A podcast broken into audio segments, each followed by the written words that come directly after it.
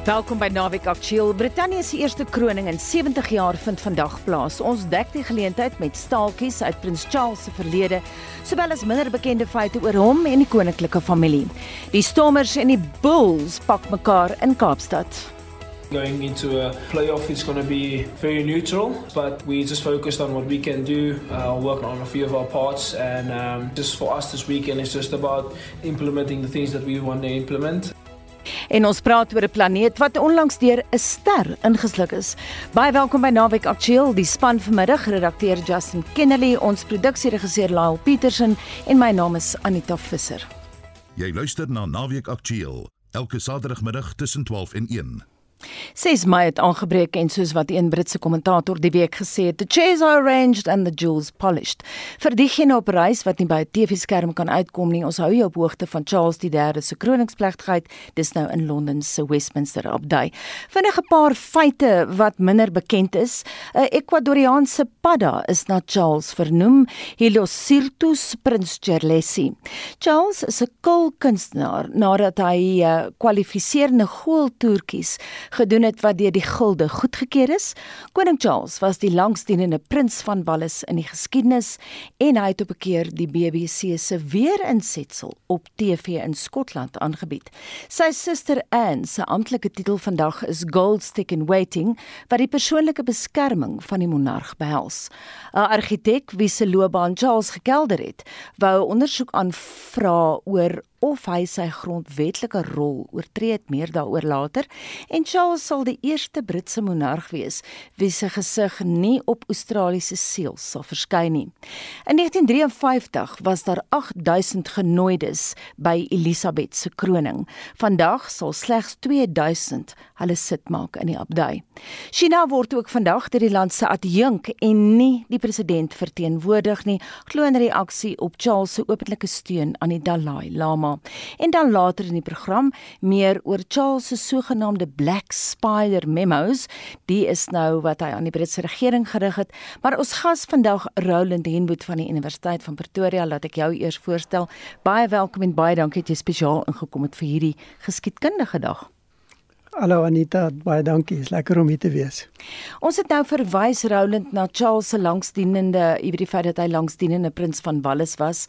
Hy was prins van Wallis vir 64 jaar en 44 dae En ek hou van die volgende storie. Een van sy voorsaate, koning Edward die 7de, moes ook baie lank wag om koning te word. Sy ma natuurlik Victoria en sy gevleelde woorde was: "We all know about the eternal father, but I seem to be afflicted with an eternal mother." So ons gaan nou ons gaan 'n bietjie daaroor ook praat. Ja, ek dink ehm um, dis baie interessant om te kyk na koning Charles wat letterlik sy hele lewe mense sê ouderdom het lankal afgetree, hulle werk nie meer nie. En hy wag sy hele lewe om te doen waarvoor hy eintlik sy hele lewe voorberei is. So dis baie interessant. Ehm um, en ek dink dis uitsonderlik. Dis dit is nie 'n natuurlike verskynsel dat dit so lank vat nie. Ehm um, sy seun gaan nie so lank vat wag om koning te word nie, maar hy gaan ook waarskynlik nie so sy ouma so lank regeer nie. Dit is net onwaarskynlik. Roland, kom ons praat 'n bietjie oor sy styl. Jy weet hy die argitektoniese establishment op hol gehad.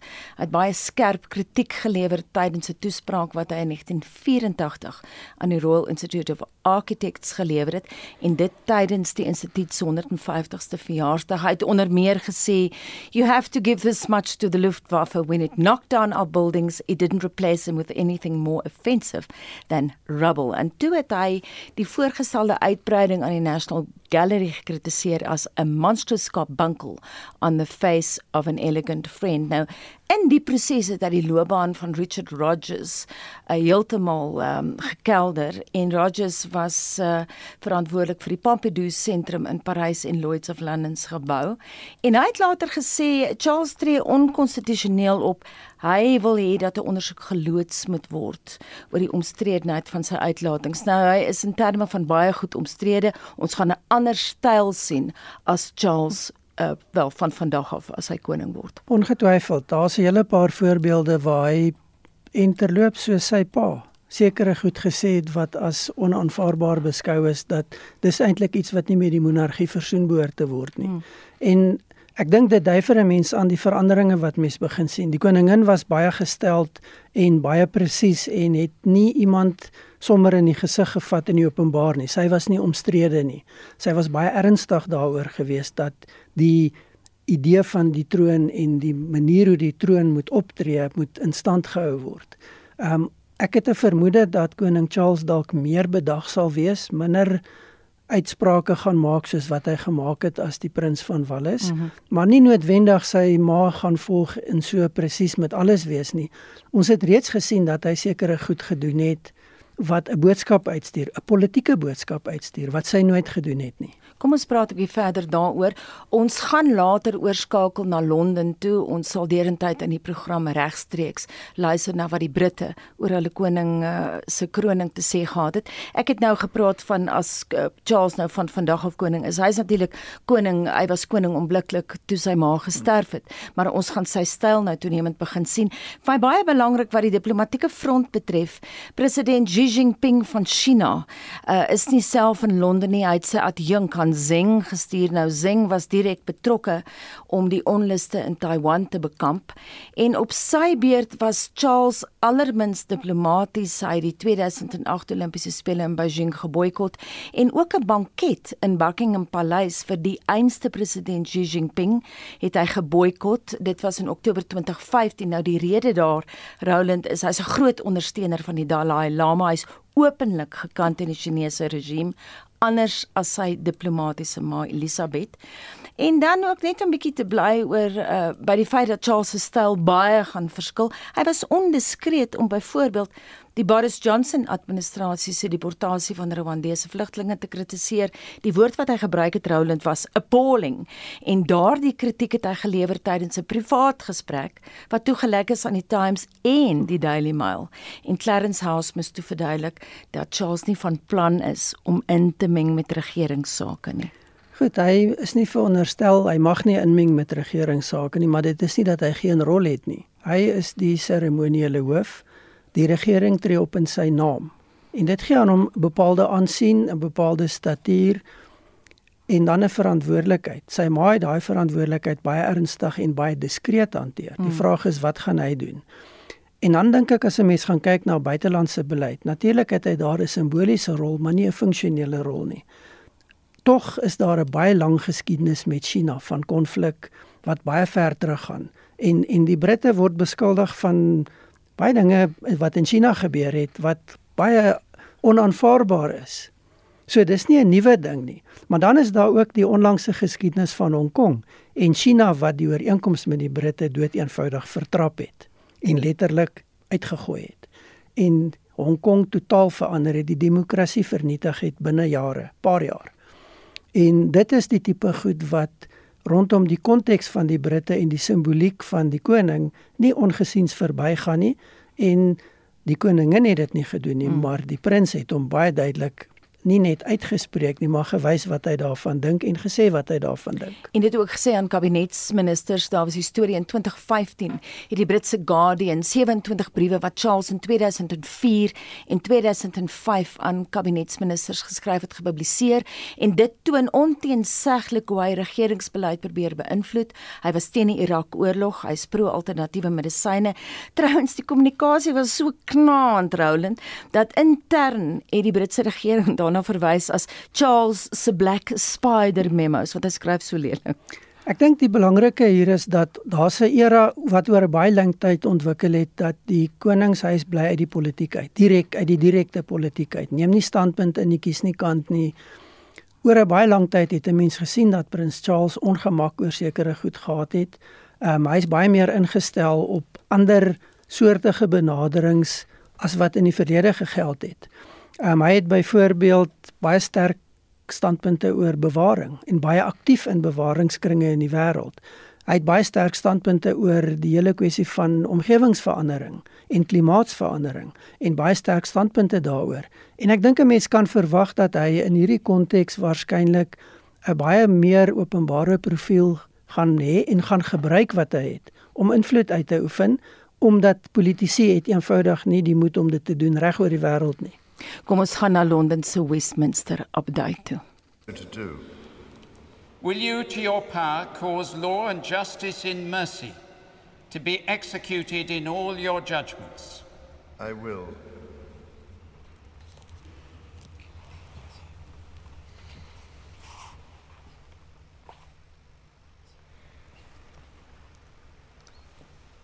Will you, to the utmost of your power, maintain the laws of God and the true profession of the gospel?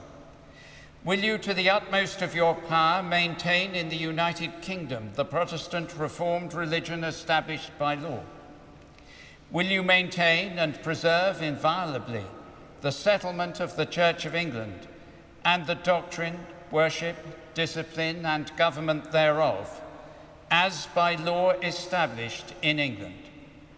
And will you preserve unto the bishops and clergy of England and to the churches there committed to their charge all such rights and privileges as by law do or shall appertain to them or any of them? All this I promise to do. The things which I have here before promised, I will perform and keep. So help me God.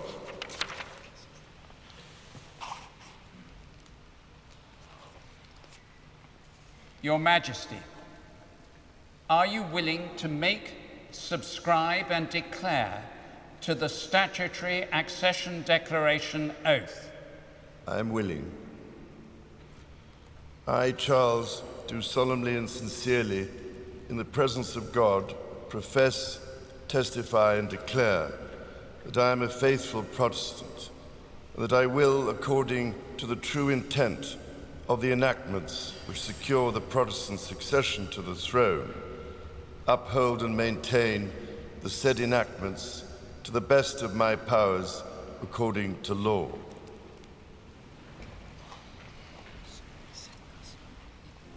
Die stem daar van koning Charles III. Ons vat jou later weer terug na Westminster Abdij toe, maar nou eers die Suid-Afrikaanse politiek. Die voormalige African Transformation Movement LPM, Zwaneli Manyi, is nou 'n EFF-lid. Boonop is hy steeds die woordvoerder van die Jacob Zuma Stichting. En ons praat nou met die politieke joernalis en skrywer Jan Jan Jubber. Goeiemôre. Dankie. Goeiemiddag Anita, ek moet jou sê dis nogal dis nogal taai om direk op die koning te moet volg, hoor. Hoe maak mens nou 'n inset? jy kan altyd, jy kan goed op jou voete dink ek weet. Die skuif Jan Jan van die ATM na die EFF, is dit enigstens belangrik?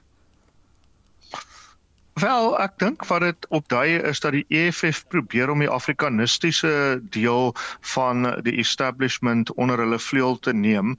Jimmy Manje of Mzwanele Manje, wat ook al van sy name 'n mens verkies, um is natuurlik 'n man met 'n taamlik um hoe sou ons sê omstrede geskiedenis. Hy uh was ook betrokke by die Gupta koerant die New Age en hy was dan 'n groot naprater van die staatskapers oor die jare. Hy was ook woordvoerder van van die kabinet. Um hy was nou nie in die kabinet nie, maar hulle gee altyd iemand in die regering se kommunikasiediens daardie taak om namens die kabinet te praat en dit was hy. En daar gaan ek die enigste stukkie krediet vir hom gee wat ek gaan en dit is naamlik behalwe dat hy 'n groot opportunis is en dis seker ook 'n goeie ding, is naamlik dat hy baie pro die Afrikaanse media was en dit was vir ons nogal 'n verlies uh toe hy weg is bloot aan inligting en beskikbaarheid. Ons het ook Roland hier in die ateljee. Roland, jy moet as jy iets vinnig wil sê, Roland, jy's meer as welkom. Ja, ek weet nie wie ehm um, die meeste wen, wie die meeste verloor tussen die twee partye nie. Ehm um, miskien as 'n mens Manje se geskiedenis in ag neem, wil ek amper sê behoede die EFF. Kom ons gaan terug na Jan Jan toe. Jan Jan, wat kan hy by die EFF uitrig dink jy? Wel die wyse man van Pretoria Roland Denwood het gepraat. Ehm um, so hoe sal ek nou stry daarmee? Jy weet dit is baie ehm um, goeie vraag wie kry die meeste uit die hele storie uit. Onthou die dae van die oorloopwetgewing het ehm um, mense altyd vir die politieke partye ge gevra as jy nou kyk na die tipe mens wat oorgeloop het. Julle is nou groter, maar is julle sterker? En dis seker dieselfde vraag wat mense EFF kan uh, vra. Kyk wat ehm um, die EFF daarmee kry is 'n konsolidasie van daardie hierdie um rasbewuste of amper rassistiese swart groepering wat uh eintlik net teen wit mense gekant is en teen wit monopolie kapitaal soos hulle dit noem. Uh en ek dink wat um die EFF daarmee regkry is hy gooi nog 'n uh, um stem binne in sy koor in. Nou ja, dit is waar uh, Roland sê dalk is dit 'n dissonante stem, maar um dis 'n stem wat bykom en dit gee die EFF um onder diegene uh onder wie dit indruk sal maak en ek weet nie of dit vreeslik baie mense is nie, um wel die gedagte dat die party aan die groei is. Dis altyd lekker vir 'n party om mense by te kry eerder as om te verloor. Nou intussen het Johannesburg 'n nuwe burgemeester, Kabelo Kwamanda van die Al Jamaa party. Wat weet jy van hom, Jan Jan? Wel jy weet um Roland het nou nou daai pragtige uitdrukking gebruik so behoede Johannesburg want um dit is nou weer 'n uh, absolute ek gaan 'n mooi Afrikaanse term gebruik die uh, absolute nobody. um dis iemand wat nou van van nêrens af gekom het nie dis krummeltjie wat brood geword het soos ons in die Kaap sê. En nou uh, moet ons kyk of die brood gaan werk want die vorige brood het nie so goed gewerk nie meneer Ahmad die um ook van uh, dieselfde party Aljamaa en um ook 'n baie baie swak burgemeester gewees. Hy het doodgewoon nie geweet wat aangaan nie.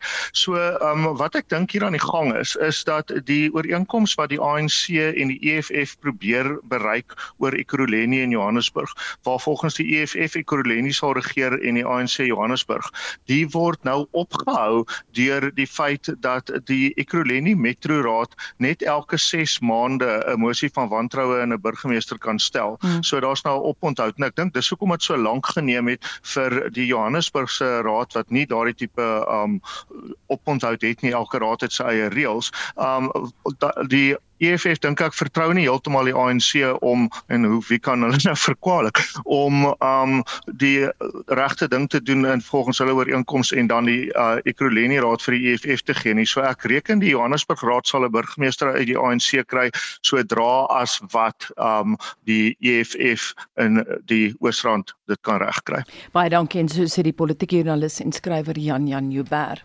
So wat 11000 TV en rolprenskrywers in Hollywood staak die afgelope week nadat samesprekings met groot produksiehuise oor salarisse op 'n dooiepunt uitgeloop het.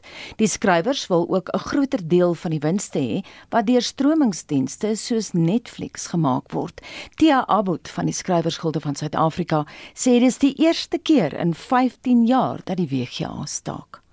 Nou waarvoor hulle spesifiek staak en dit is waar die groot probleem lê op die oomblik is by jou streamers hulle weier om residuals te betaal aan die skrywers, die regisseurs en die akteurs.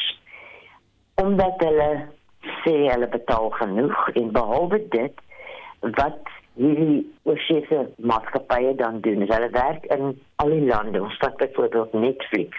Hulle werk in omtrent elke land wat jy aan kan dink en die produkte wat geskep word is beskikbaar vir enigiemand om na te kyk en te gebruik soos wat hulle wil en daar kom net nooit weer geld terug na die skrywers en die mense wat hierdie produksies maak nie.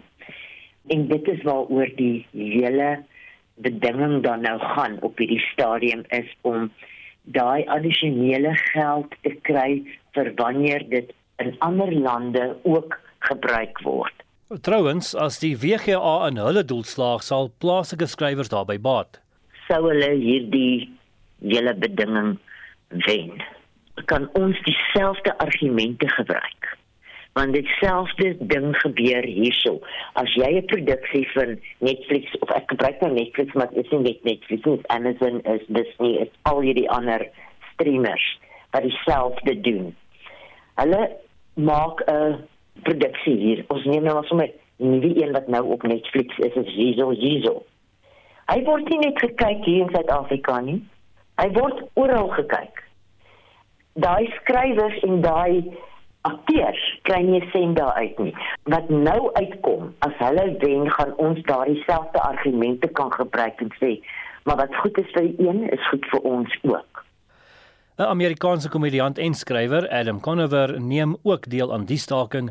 In 'n video wat wyd op sosiale media versprei is, verduidelik hy waarom hy nou deelneem.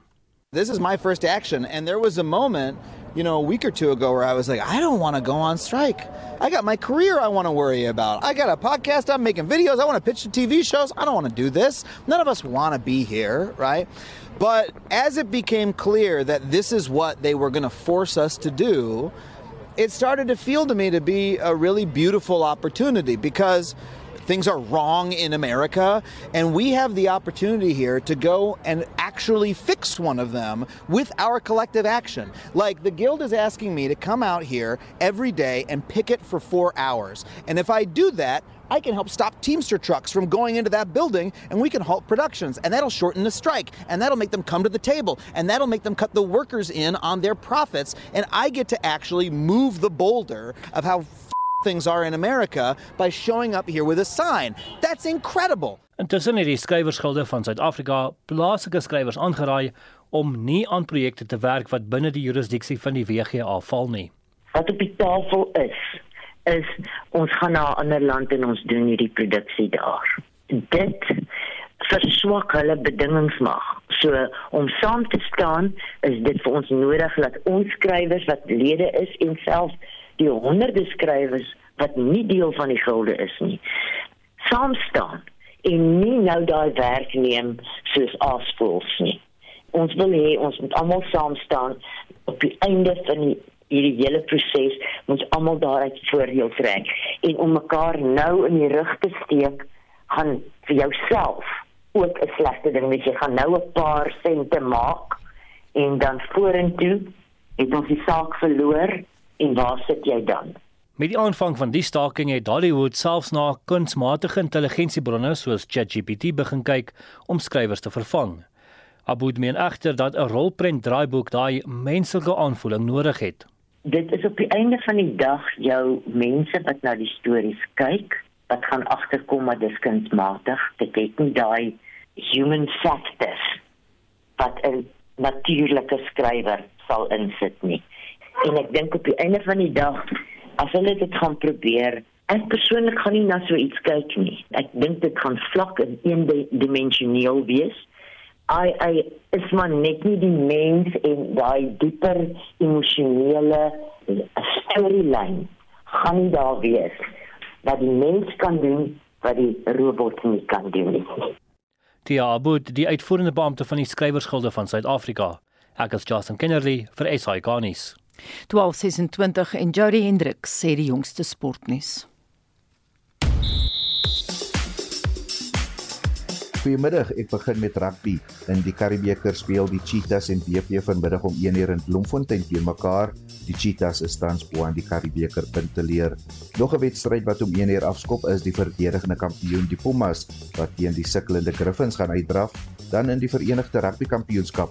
Vanaand het gisterand hul plek in die halfyn van die toernooi bespreek toe hulle 15-10 met Ulster afgereken het. Intussen het Ulster ook bevestig dat 10 spelers insluitend die Springbok agste man Dwayne Vermeulen die span gaan verlaat. Daar is egter reeds verskeie berigte wat noem dat Vermeulen moontlik sy loopbaan by 'n span in Suid-Afrika gaan kom voortsit. Dan kyk ons gou na die twee kwarte en wedstryde waar ons plaaslike spanne betrokke gaan wees. Om 04:00 vanmiddag is dit die Noord-Suid Derby tussen die Stormers en Bulls op die Kaapstad Stadion. Dit is ook 'n herhaling van verlede jaar se eindstryd. Die Stormers was van die jaar Suid-Afrika se beste span in die toernooi en die span se staatmaker, Damian Willemse, sê hulle wil die momentum van die seisoen in vandag se wedstryd behou. I think obviously going into a a playoff it's going to be very neutral. They're also getting a few guys back. Um, they had some guys who played on the weekend. Um, got a bit of rugby under their belt. We had a long weekend off, so I think it's going to be it's going to be neutral. Um, and then obviously, as I said earlier on, with the with the tough fixtures we had the past few months, um, and obviously coming home and then we lost against Munster which was a, a, bit of a blow for us. But we just focused on what we can do, uh, worked a few on, on a few of our parts, and um, just for us this weekend, it's just about implementing the things that we want to implement. And um, I am pretty sure that that will put us in a in a very good position to win to win this rugby match. Die stem daarvan die Stormers heel agter Damian Willemse. Dan om 6:00 vanaand speel die Sharks in 'n wegwedstryd teen Leinster in Ierland met Lokanyo M wat die span van Durban gaan aanvoer.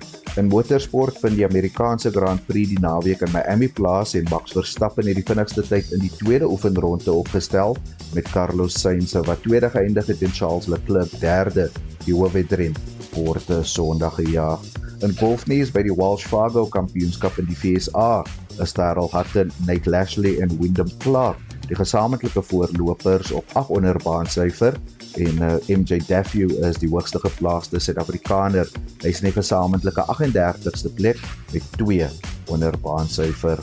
In tennisnuus by die Madrid Ope in die manseindstryd is dit Jan-Lennard Struff wat teen die verdedigende kampioen Carlos Alcaraz in môre se finaal in die mansafdeling gaan speel. In die vroueafdeling is dit slegs die derde keer in 40 jaar wanneer die twee topgekeerde vroue, die eerste gekeerde Iga Swiatek en die tweede gekeerde Aryna Sabalenka, mekaar in die vroue eindstryd gaan pak. In die IPL speel die Chennai Super Kings en Mumbai Indians dan teen mekaar en om 4uur vanmiddag is dit die Delhi Capitals en Royal Challengers Bangalore wat in wedstryd 50 van die toernooi opponente gaan wees. Laastens sokkernuus en in die Nedbank beker halfeind is dit vanmiddag se Soweto Derby op die FNB stadion wat plaasvind met Orlando Pirates en Kaizer Chiefs wat swaar te gaan kruis. Nou 'n ryk geskiedenis tussen die twee spanne sedert 1970 het hulle al in 177 wedstryde teen mekaar gespeel. Kaizer Chiefs het 74 gewen, Orlando Pirates slegs 44. 54 wedstryde het gelyk op geëindig en 5 wedstryde was afgelas. Afskoptyd is net na 3 vanmiddag en 1 môre gaan gereeld gedurende die kragmeting verslag doen. Jody Hendricks vir RSG Sport. En van Jody Hendricks gaan ons na Wessel Pretoria. Hy toets vandag 'n Italianer.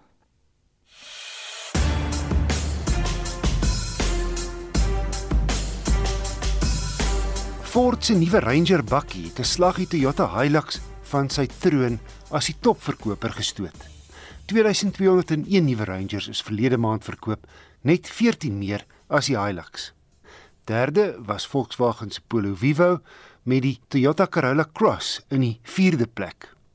Toyota was wel loshande die algehele topverkoper in April met net meer as 9400 eenhede. Volkswagen tweede net meer as 4600 en Suzuki derde net meer as 3600 eenhede. Ford was vierde, gevolg deur Hyundai, Nissan, Kia en Isuzu. Haval en Renault was saam in die 9de plek. Chery was 11de met 1179 eenhede. Fiat het sy 500X kompakte kruisvoertuig 'n verjongingskuur gegee.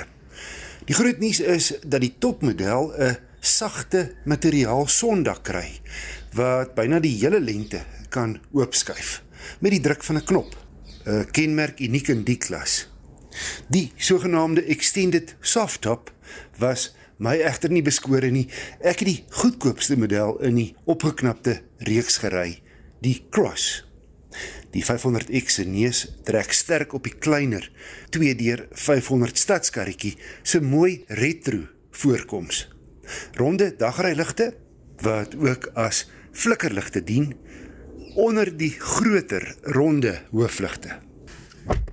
Goeie ruimte binne vir 'n kruisvoertuig wat 4,25 meter lank is.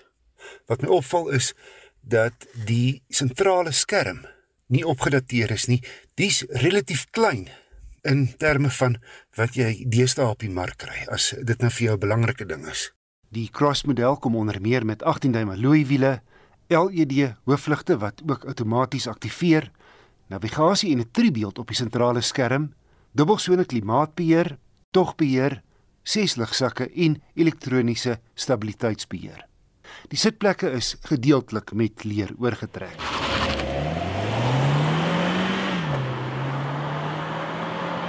Die 1.4 turbo stuur 103 kW en 230 Nm na die voorwiele via 'n seepgladde 6-spoed dubbelkoppelaar outomaties.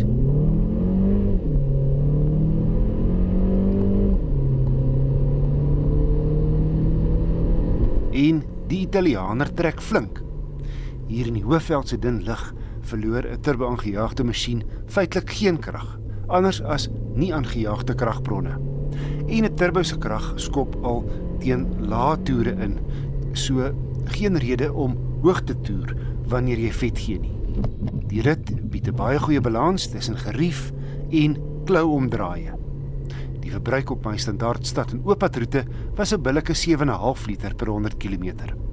My gevolgtrekking Fiat se 500X lyk steeds vars en aantreklik, al is hy nou al 8 jaar op die mark. Interessant, die Fiat kenteken voor op die neus het nou plek gemaak vir 'n fris 500 logo. Die 500X is nie gebaseer op die klein 500 nie, wel die Jeep Renegade, 'n neef van hom in die Stellantis groep. Die Fiat 500X Cross se prys van R510 000 bring hom egter teen teenstanders te staan wat meer ruimte en luksede teen beter pryse bied.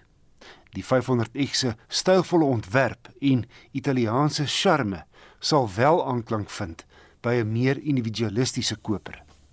Ingesluit in die prys is 'n 5 jaar 100 000 km waarborg, 5 jaar padbystand en 'n 3 jaar 60 000 km diensplan. Naweek Aktueel, jou naweek nuusprogram op RSG. Kom ons gaan na Westminster Abdij, die aartsbiskop van Kantelberg is aan die woord. In the conservation of the natural world. We have seen those priorities in the life of duty lived by our king. Today, we have the honor of being in this abbey with so many who show such love. You work with charities and organizations, you build community, you serve the nation in armed forces, in emergency services, and so many other ways. Next door are 400 or more extraordinary young people in St. Margaret's Church whose lives speak of service around the world in realms and commonwealth are so many more. You live your lives for the sake of others. Die aartsbiskop van Kantelberg daar in Westminster Abdij waar koning Charles vandag gekroon word. Dalk baie interessant, hy verwys nou na die gaste. Baie van hulle werk uh, vir welsynsorganisasies en Roland Henwood is my gas in die ateljee vandag om te praat oor die kroning. Een van die verskille tussen Elisabeth II se kroning in 53 en die van Charles is die feit seremonie is afgeskaal. Uh, in 53 was die lengte van die prosesie 5 myl. Dit was nou 1.3 3 myl vanoggend. En in 53 Roland was daar 8000 genooides teenoor van die jaar se 2000 en interessant is dat uh, hierso is daar nou plek gegee vir mense wat werk vir welsynsorganisasies die kerk sit nie vol aristokrate nie. Ek dink dit dui vir ons op twee baie belangrike verskywings wat rondom die monargie en die tyd waarin ons leef plaasvind. Die een is dat Dis nie meer die aristokratiese elite wat tel en alles doen nie. Daar's baie meer 'n poging van die koningshuis om met gewone mense te skakel en meer relevant te raak. Ek dink die tweede realiteit is dat hierdie eintlik 'n baie groter funksie is as die van 1953. Daar's dalk nie soveel mense wat in die omgewing onmiddellik is nie, maar daar's miljoene mense wat elektronies ingeskakel is, wat direk sien en volg wat gebeur, al die detail. In 53 was dit net die adellikes heel in die binnekring wat die detail van die seremonie lewendig kon volg. Die res was eintlik maar betrek maar op 'n afstand, nie regtig deel daarvan nie. Kom ons kyk na die steun vir die monargie. Daar's verskeie meningspeilings wat verskil. Een sê 82% van die Britte steun die monargie. Charles se steun staan op 54%. 'n Ander peiling in Brittanje het gefokus op die jeug. 78% stel nie belang in die monargie nie. 40% wil 'n verkose staatshoof hê. Die Kanadese 60% steun vir Charles as koning nie en dan die huidige Australiese premier Anthony Albanese is 'n republikein en koning Charles se profiel sal nie voortaan meer op Australiese seels verskyn soos vorige Britse monarge nie. En dan eh, in terme van Wallis baie belangrik, hy was natuurlik prins van Wallis. Volgens 'n YouGov meningspeiling Roland, dis gedoen vir St Davidsdag in Maart van die jaar, dit toon die steun vir die monargie in Wallis bly onveranderd. 28% van die Wallisers wil van die monargie ontslaa raak. 52% wil dit behou. En uh, interessant, ek het altyd gedink die Windsors het nie Stuart bloed nie, maar het. Want ek lees die week Charles is 'n direkte afstammeling van die 14de eeu se Robert the Bruce. Die laaste meningspeiling in Skotland uh strek terug na 2020 toe in dit toon dat 70% van skotte tussen 16 en 34 wil ontslaa raak van die monargie en wat die Ire betref, 'n meningspeiling die week in Ierland toon dat prinses Anne is verreweg die gewildste koninklike da, prins Charles in die 4de plek. Ek dink die belangrike hier is dat 'n mens nie die monargie kan losmaak van wat polities gebeur nie. En daar's in Ierland se geval 'n belangrike historiese geskiedenis van vervreemding en konflik. Dit wys. Skotland sit met die idee van Skotse nasionalisme en dit wys wat daar gebeur. En dan sien ons veranderinge in die wêreld waar die hele idee van die Britse kroon wat die res van die wêreld amper as onderdane beskou, nie meer gereedelik aanvaar word nie. Beteken dit dat die monargie uitgedien is? Onwaarskynlik. Ek het 'n vermoede dat hierdie seremonie wat so wyd uitgesaai word en gevolg word, uh dalk 'n nuwe perspektief en dalk 'n nuwe mate van steun kan tot gevolg hê. Wat wel ook belangrik word is dat die generasie kwessie die koningin was baie oud geweest en ou mense was haar goedgesind, jong mense nie. Uh mense sal moet sien of koning Charles dit gaan regkry om meer daardie generasiegaping te kan oorbrug. Ek het 'n vermoede dat sy seun en disse vrou Catherine waarskynlik baie meer suksesvol daarin gaan wees En dit is alles faktore wat voortdurend veranderinge bring in hoe die monargie gesien word en beoordeel word. So ja, in Australië en Kanada begin jy daardie um, bevraagtekening kry. Ons het dit baie lankal in Suid-Afrika gesien waar as gevolg van politiek daai bande eintlik gebreek is alhoewel ons nog deel van die Statebond is, maar nie meer polities so na aan Brittanje is nie. Wat die seremonie self betref, die oudste reliek van die koningsregalia is die lepel vir die olie waarmee Charles gesalf gaan word. Dit strek terug na die 13de eeu en interessant vir my, eh, Charles se koningsolie bevat geen diereprodukte nie, maar bestaan uit lemoenbloeisel, jasmiin, roosolie, olyfolie en kaneel en dit kom natuurlik uit uh, Israel, dis heilige olie. Ja, ek dink weer eens in lyn met wat ons vroeër gesê het dat koning Charles is baie anders ingestel oor omgewingsake. Um, hy kyk anders na die hele kwessie van bewaring, dit sluit diere in. So dit is in lyn met sy noem dit maar sy styl, sy etiek van hoe hy dinge doen en dit vind neerslag in die kronings seremonie ehm um, soos wat hy dit graag sou wou gehad het. So alreeds 'n ander stempel wat afgedruk word, 'n ander benadering wat 'n mens begin sien. Miskien net 'n punt wat vir my belangrik hier is as 'n buitestander as 'n mens kyk na wat in Brittanje gebeur vandag met die kroning. En dit is iets wat Suid-Afrika nie dink ek heeltemal altyd kan verstaan nie, is die kwessie van geskiedenis. Ons verwys na eeue oue tradisies. Nie 100 jaar terug of 50 jaar terug of 30 jaar terug soos die mode deesdae in Suid-Afrika is. Ons meet alles in die afgelope 30 jaar nie. Ons kyk hier na 'n geskiedenis wat eeue teruggaan. Ons kyk na rituele wat eeue ver teruggaan en inslag vind.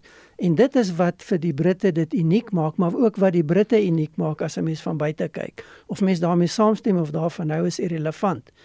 Maar die krag van rituele, die simboliek daarvan, die saambindende effek daarvan kan nooit onderskat word nie.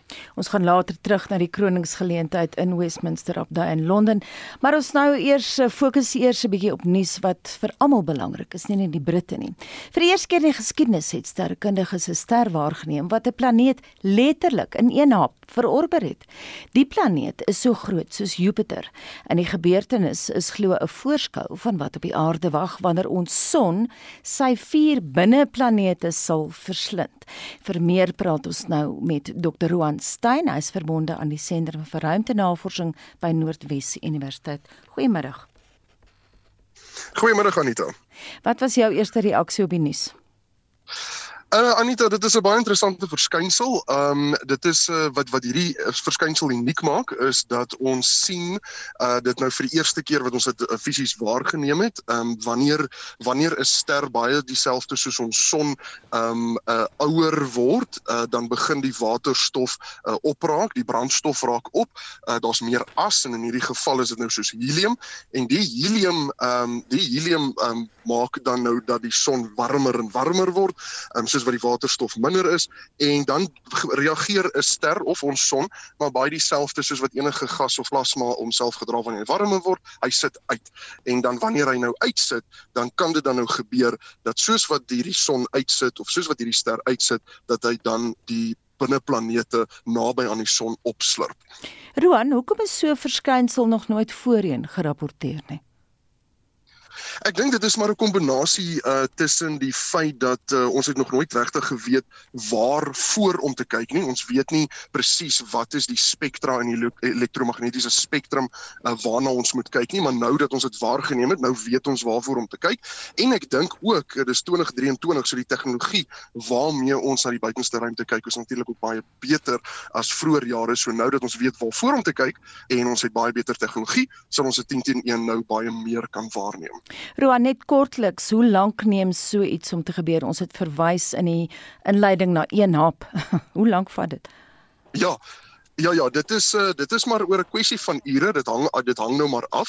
Ehm um, in uh, in in in terme van ehm um, in terme van van tyd uh, is dit nou eintlik nogal moeilik om te sê, maar wat gebeur is wanneer die wanneer die planeet dan nou verorber word deur sy ster, sien ons hierdie flits van energie. So dit is maar 'n kwessie van minute of ure wat ehm um, maar net verorber word. Net laastens, daar word bespiegel dieselfde kan met die aarde gebeur. Inderdaad. Ehm um, dit is daarom gelukkig nou nie uh, môre of oormôre nie, maar ons vermoed ehm um, dat uh ons ons ons son is nou maar so in die helfte van sy lewensyd. Hy's omtrent 20% groter as wat hy was die dag toe hy begin skyn het. As mense dit nou so eenvoudig kan stel. Ehm um, en ons vermoed dat uh in die volgende 5 maal 10 tot die 9 jaar, so dis 5 gigajaar, ehm um, sal dieselfde gebeur. Ons ons son sal ehm um, uitsit. Hy sal na rooi reus toe gaan en hy sal dan die aarde um insluk. Maar soos ek sê, dit is nou nie iets om oor te bekommer vir môre of oormôre nie. Baie dankie Roan, ons is baie verlig. Dit is dan Dr. Roan Stein en hy is van die Sentrum vir Ruimtenavorsing by Noordwes Universiteit. En ons bly by koning Charles verwantenis en een ding wat min mense weet, is dat 'n padda van Ecuador se reënwoude na Charles vernoem is toe hy nog prins van Wallis was. Naweek aktueel het die bekende herpetoloog professor Louis de Pre van Noordwes Universiteit gevra hoe so benoemingsproses werk kyk die persoon wat die padda beskryf het die voorreg om hom 'n naam te gee. Jy kan nie sommer enige naam gebruik nie. Daar is pertinente reëls wat vasgelê word volgens 'n kode van internasionale nomenklatuur. Jy mag nooit 'n ding na jouself vernoem nie. Dis 'n absolute nee nee. Dan mag die naam nie aanstootlik wees nie. Dit mag nie 'n vloekwoord wees nie. Dit moet internasionaal aanvaarbaar wees en dan moet die naam betekenisvol wees. Om betekenisvol en uniek te wees, dan mag nie nog 'n dier op die aarde met dieselfde genus en spesiesnaam wees nie. As dit per ongeluk sou gebeur en twee mense beskryf 'n ding met dieselfde naam, sal die oudste naam altyd senioriteit hê. Louis, wat die eintlike naam betref is nou Hilosirtus Prins Charlesi. Wat beteken daai Hilosirtus en hoekom is dit Charlesi en nie Charles nie? So Hilosirtus Sirtus beteken Latyn vir slim. So dis 'n beklemtoning van slim en Prins Charlesie, mens sou sê hoekom nie net Prins Charles nie, maar wetenskaplike name moet in Latyn wees en om die i op die einde te sit vir latiniseer jy hom en dui aan dat dit manlik is. Dink jy prins Charles het sy toestemming gegee of hoe fyn nie sy toestemming te gee dat 'n padda naam vernoem word nie? As ek sê prins Charles want hy was toe nog prins, né? Nee? Ja, hy hoef nie sy toestemming te gee vir naamgewing nie. Mense kan nou vra maar hoekom het hulle padda naam vernoem? Charles is 'n groot kampvegter vir reënwoude en hy gebruik in sy toesprake baie dikwels paddas, noem hy dit 'n barometer van die reënwoude. Tot so 'n mate toe dat hulle in die koerante na hom begin verwys het as the frog prince En die outeur van die artikel waarna hulle hom vernoem het, Prins Charles, het spesifiek gesê hulle benoem hom vir sy um, sentiment oor die reënwoude van Suid-Amerika. Nou hy is nie meer prins nie, hy is nou koning. Sal hulle ja. dan die naam verander, daai prinsdeel? Nee, die naam mag nooit verander nie. So iemand moet nou maar 'n ander padda King Charles sien. Vertel ons iets van hierdie padda. Dit is 'n is 'n boompadda wat in die reënwoude, daar's 24 spesies in hierdie genus Heliosyrtus en hulle kom tipies voor in die reënwoude. Nou hierdie spesifieke een, Prins Charles se reënpadda of reënwoudpadda is bedreig. Hy is op die oomblik word hy bedreig deur habitatsvernietiging maar ook siektes en hulle is bekommerd oor hom op die oomblik. Dit gee natuurlik ekstra publisiteit vir die bewaring van paddas. Mens dink jy gaan hierdie padda beskerm, maar jy moet die habitat beskerm waarin die padda bly. Wat is vir die interessantste naam wat nog toegedig ja, is? Ek so vinnig dink een wat vir my baie oulik was. Daar's baie baie oulike name. Maar daar's onlangs in Madagaskar drie baie klein paddatjies ontdek. Hulle is toe heeltemal uniek. Hulle moet toe 'n nuwe genusnaam ook kry. En dis klein klein paddatjies doen maak hulle die genus Mini. En die drie spesies wat hulle toe beskryf is Mini, Skeur, Atur en Mim. Maar as mens die name lees, is dit Minuscure, Miniature en Minimum wat beklemtoon hoe klein die paddatjies is en dit was vir my baie oorspronklik. Nou daar is 'n padda na jou ook al vernoem. Ja. uh dit was toevallig ook uit erkenning vir werk wat ek in Madagaskar gedoen het. En wat is die naam? Dit is dan Blomersia dupresi, weer eens met die latynse uitgang. En hou jy van die padda? Ek het hom nog eers ontmoet nie. Ek sal moet terug gaan Madagaskar toe om hierdie padda te gaan ontmoet. Hy kom voor heel in die suide van Madagaskar, 'n deel waar ek nou nog nie in Madagaskar gewerk het nie. Hy is beskryf deur 'n paar Duitse navorsers. En dit dan die herpetoloog professor Louis de Pre van Noordwes Universiteit en sy wonder hoekom praat julle oor paddas as Charles gekroon word want 'n Ekwadoriaanse padda is na die destydse prins Charles vernoem. Terug na die monarg, uh, hulle gee nou vir luisteraars wat nie by 'n TV-skerm is nie, die regalia, kroonregalia is nou net aan Prins Charles oorhandig. Hy het 'n goue kleed aan. Maar uh, ons praat 'n bietjie met Roland Hendwood van die Universiteit van Pretoria oor die belangrikheid van die monarg in 'n moderne multikulturele Brittanje. Is die monarg nog relevant, Roland? Ek dink as 'n mens uit 'n Britse perspektief daarna kyk, ja, want dit is die staatshoof, dit is die simbool van alles wat Brittanje is. En dis nie meer die Brittanje van 100 jaar terug nie. Ja, daar's baie meer diversiteit en ons sien dit ook in die seremonie vandag dat daar baie spesifiek plek gemaak word om hierdie realiteit te reflekteer. En waarskynlik gaan ons sien dat in hierdie koning se termyn daar baie meer aandag aan hierdie tipe diversiteit gegee word en baie meer 'n uitreik en 'n poging om regtig 'n koning van die mense te wees. Indien dit nie gebeur nie, gaan die monargie net heeltemal irrelevant raak. En wat van die Statebond? Ek dink die Statebond is 'n deel van daardie realiteit waar daar soveel dramatiese veranderinge gekom het. Die Britse ryk bestaan nie meer nie, maar die idee van die ryk in terme van gelyke gemeenebes van state, die Statebond, het tog bepaalde waarde en daar ons kry wel nou dat state aansoek doen wat nooit in die Britse ryk was nie om lidmaatskap. Mm. So daar word bepaalde waarde ingesien. Ja, ek weet Mosambiek is 'n lid van die Statebond, alhoewel hulle nooit deel was van die Britse ryk nie. Kom ons gaan terug na Westminster update. Help and defend widows and orphans. Restore the things that are gone to decay. Maintain the things that are restored. punish and reform what is amiss, and confirm what is in good order, that doing these things you may be glorious in all virtue, and so faithfully serve our Lord Jesus Christ in this life, that you may reign forever with him in the life which is to come. Amen.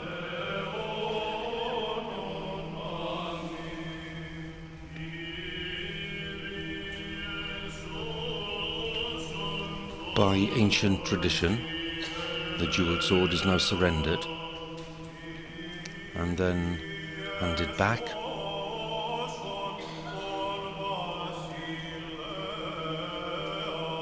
to the Dean of Westminster, places it on the altar.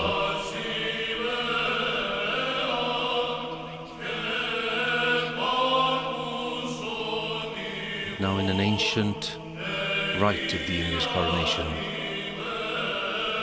a sum of money will be paid by the Lord President to redeem the sword and to return it to the king.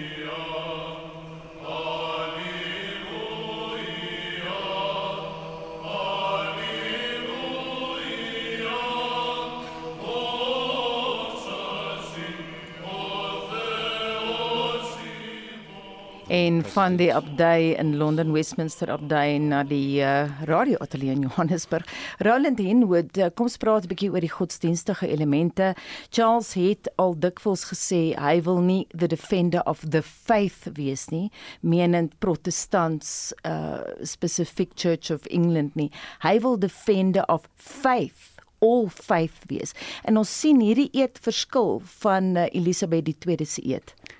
Ja, alhoewel hy in die die die eerste eed wat hy aflê eintlik bly getrou aan daardie vereiste van protestantisme en die beskerming van die protestantse kerk. Hy bevestig dat hy 'n protestant is en dit sal in stand hou. So hy mag miskien as individu sê ek wil die multikulturele omarm en 'n multigodsdienstige realiteit erken, maar as koning is hy gebind aan daardie eed. Sy eerste verantwoordelikheid lê in die historiese en tradisionele monargie en die vereistes wat gestel word. Indien hy dit sou verwerp, kan dit waarskynlik gebeur dat sy koningskap in die gedrang sou kom. En so ek dink nie die die koningshuis in die wil en die giere van 'n persoon het al tot die mate ontwikkel dat daar van dit wegbeweeg sal word nie. So hy bly gebind, maar hy is baie duidelik verbind tot 'n multikulturele, 'n multigodsdienstige omgewing en hy neem 'n bepaalde verantwoordelikheid op, alhoewel nie noodwendig in terme van sy eed nie, maar wel in terme van sy verklaring. En dit moet 'n mens sê dat ehm um, van die beloftes wat hy gemaak het as prins, het hy alreeds nagekom in terme van dit wat baie mense gedink het dit gaan nooit gebeur nie. Soos soos om die titel van sy vader te gaan gee aan sy broer. Mm. Wat eintlik uitsonderlik was, hy het dit reeds gedoen. En en ek dink dit sê vir 'n mens dat hy tog hierdie goed ernstig bedoel en ernstig opneem en waarskynlik in met erns daarmee sal handel. Roland, hoeveel mag het 'n koning vandag? Ek dink dit gaan afhang van waar. Die Britse koning het simbolies groot invloed, maar het geen politieke mag nie. Dit kan wel wees dat oor tyd 'n persoon bepaalde invloed ontwikkel. En ek dink prins Charles het gewys hoe hy dit probeer uitoefen het. Die vraag is gaan hy as koning probeer om dit te doen en gaan dit enigsins aanvaar word? My verwagting is dat hy waarskynlik so bietjie sal terugtreë as koning. Hy het nou 'n ander verantwoordelikheid. Sy ma was tussen hom en die politiek. Hy is nou direk voor die politiek. Die aartsbiskop van Canterbury, Kantelberg, Justin Welby het mense vroeër die week gevra om hardop die eed van getrouheid op te sê. Dis nou by jou huis voor jou TV. Waarvan die woorde op hulle TV-skerm sal verskyn. Dit het tot 'n ewige debat in Brittanje gelei, Roland, tot 'n twis tussen Lambeth Palace, dis nou die setel van die aartsbiskop en Buckingham Paleis.